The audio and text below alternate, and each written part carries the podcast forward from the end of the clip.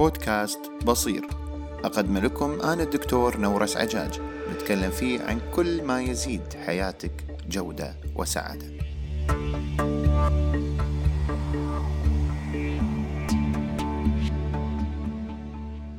لما تروح محل العطور تلاحظ إنهم يعطونك قهوة تشمها بين كل عطر والثاني عشان لا يصير تداخل بين العطور لأن ممكن العطر الأول يؤثر على اختياراتك من العطور الثانية. هذا الشيء يذكرني بفخ أو خلونا نقول طبيعة في الإنسان إن ما يقدر ينهي الشعور بمجرد انتهاء الفعل. فمثلا إذا كنت معصب من شيء وهذا الشيء انتهى خلاص تلقى أن شعورك بالعصبية لا زال مستمر وممكن يأثر على أفعالك القادمة.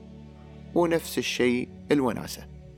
يعني باختصار الفعل يصير وينتهي لكن الشعور يستمر. وهذا نقدر نسميه طوفان الشعور. هذا الشعور يروح لكل مناطق التفكير في مخك ويأثر عليها. وصحيح ما قلت لكم أن الإنسان في طبع تفكيره يتأثر بالمزاج بالمشاعر وبالأفكار التي تحوم في البيئة المحيطة. طيب إحنا عارفين إن الشخص لما يكون معصب ممكن يتم منفعل لوقت طويل. يعني ولكن هذا ما له علاقة في تفكيرنا المنطقي واتخاذ القرارات وصناعة الآراء أبدا. هذا الشيء غير صحيح. الإنسان كائن غير منطقي. العقل البشري يفكر عن طريق الأنماط.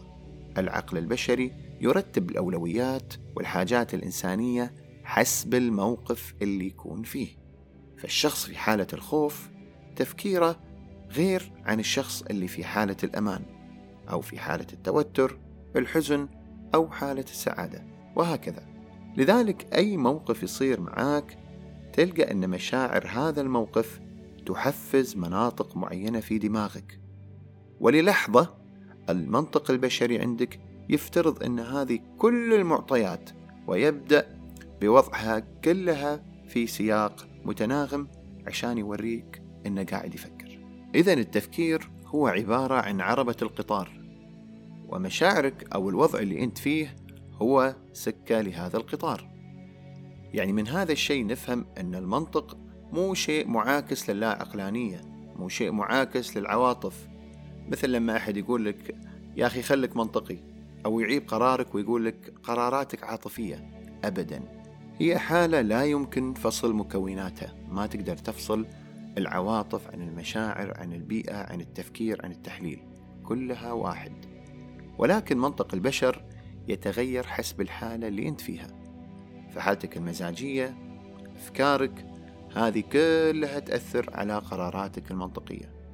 ممكن واحد يقول لي طيب أنا عندي البصيرة وأعرف أن لما أكون معصب أو أكون في حالة نفسية غير متزنة فأعرف أن قراراتي غير متزنة. ولكن في أيامك العادية ولو افترضنا أنك عايش في أحسن حالاتك النفسية كل ما يدور حولك يؤثر على تفكيرك. المكان اللي أنت فيه البيئة المحيطة الناس اللي قاعدة تكلمك المواضيع اللي قاعد تتكلم فيها. عينك إيش قاعد تشوف حتى لو ما كنت منتبه؟ أو شنو قاعد تسمع؟ هذا كله يفعل لك مناطق معينة في الدماغ وتصبح غير قادر على الرؤية إلا من خلالها. فمنطقك يكون محصور في هذا التصور.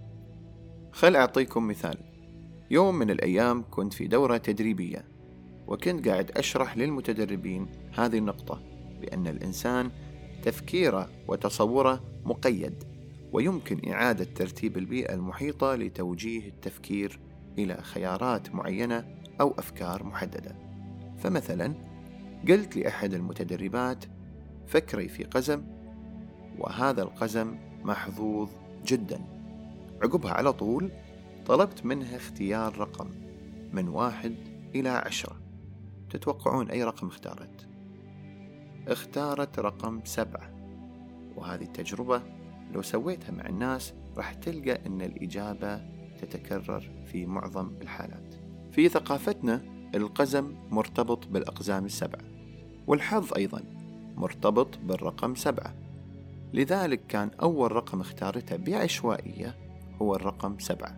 ولكن في الحقيقة وهي قاعدة تسمع المعلومات المخ فعل وجهز كل الأمور المرتبطة بالقزم والحظ وأوجد القاسم المشترك بينهم. لذلك أول ما طلبت منها رقم قالت سبعة. وطبعا الشخص يعتقد بأن هذا الشيء كان اختيار عشوائي. لذلك إحنا في كل الأوقات نتعرض لأشياء تعيد تشكيل طريقة تفكيرنا الحين اللي بنوصل له أن الإنسان كائن غير منطقي والإنسان يختار بعواطفه ومشاعره يختار ما تهوى النفس بعدين يمنطق هذا الاختيار شلون؟ راح أعطيكم مثال تخيل أن في شخص أو ليش تتخيل؟ أنت مثلا إذا حبيت شيء تحاول تقنع فيه الناس بالمنطق. يعني أنا والله اللابتوب الفلاني عاجبني. ليش عاجبك اللابتوب هذا يا فلان؟ لأن تصميمه حلو. شوف اللون شوف المواصفات ويقنعك باستخدام المنطق وكأن اختياره منطقي. ولكن إذا أنا أعدت لهذا الشخص مواصفات جهاز آخر أقوى منه في المواصفات فالشيء الطبيعي أنه يقتنع فيه. ولكن تجد أن هذا الشخص يدافع عن آرائه ويلقى أمور ثانية يتكلم فيها عن اللابتوب. ينتقل إلى وضوح الشاشة وألوانها وما أدري شنو. إذا هو يستخدم المنطق لتبرير اختياره الأول.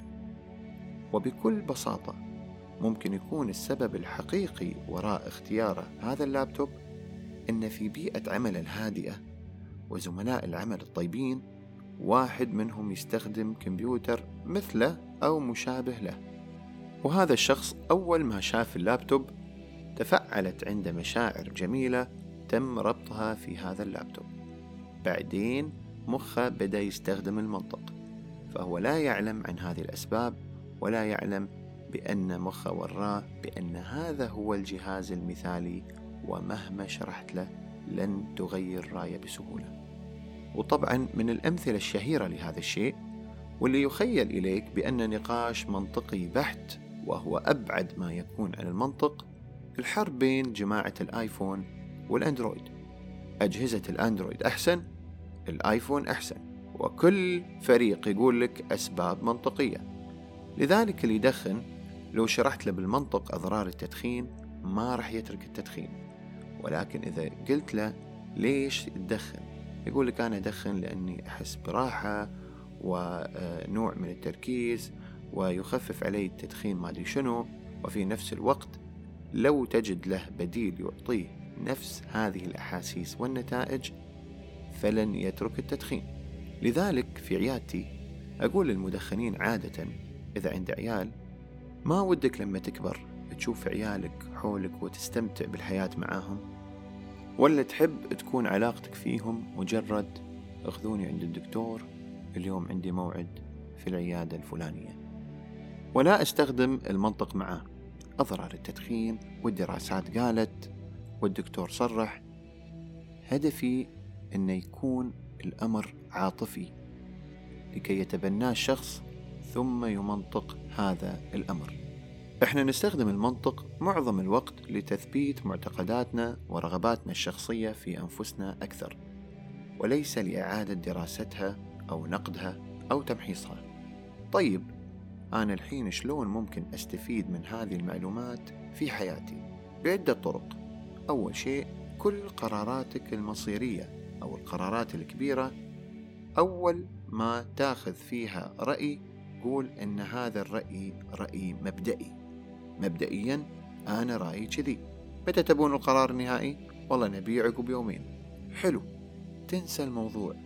وثاني يوم لما تعيد التفكير راح تشوف أن نظرتك للأمر تغيرت لأن حالتك النفسية تغيرت والبيئة المحيطة أيضا تغيرت. وفي شيء مهم ممكن يفيدنا عقب ما عرفنا الطريقة اللي يفكر فيها الإنسان إن لازم نستخدم القهوة القهوة اللي بمحل العطور.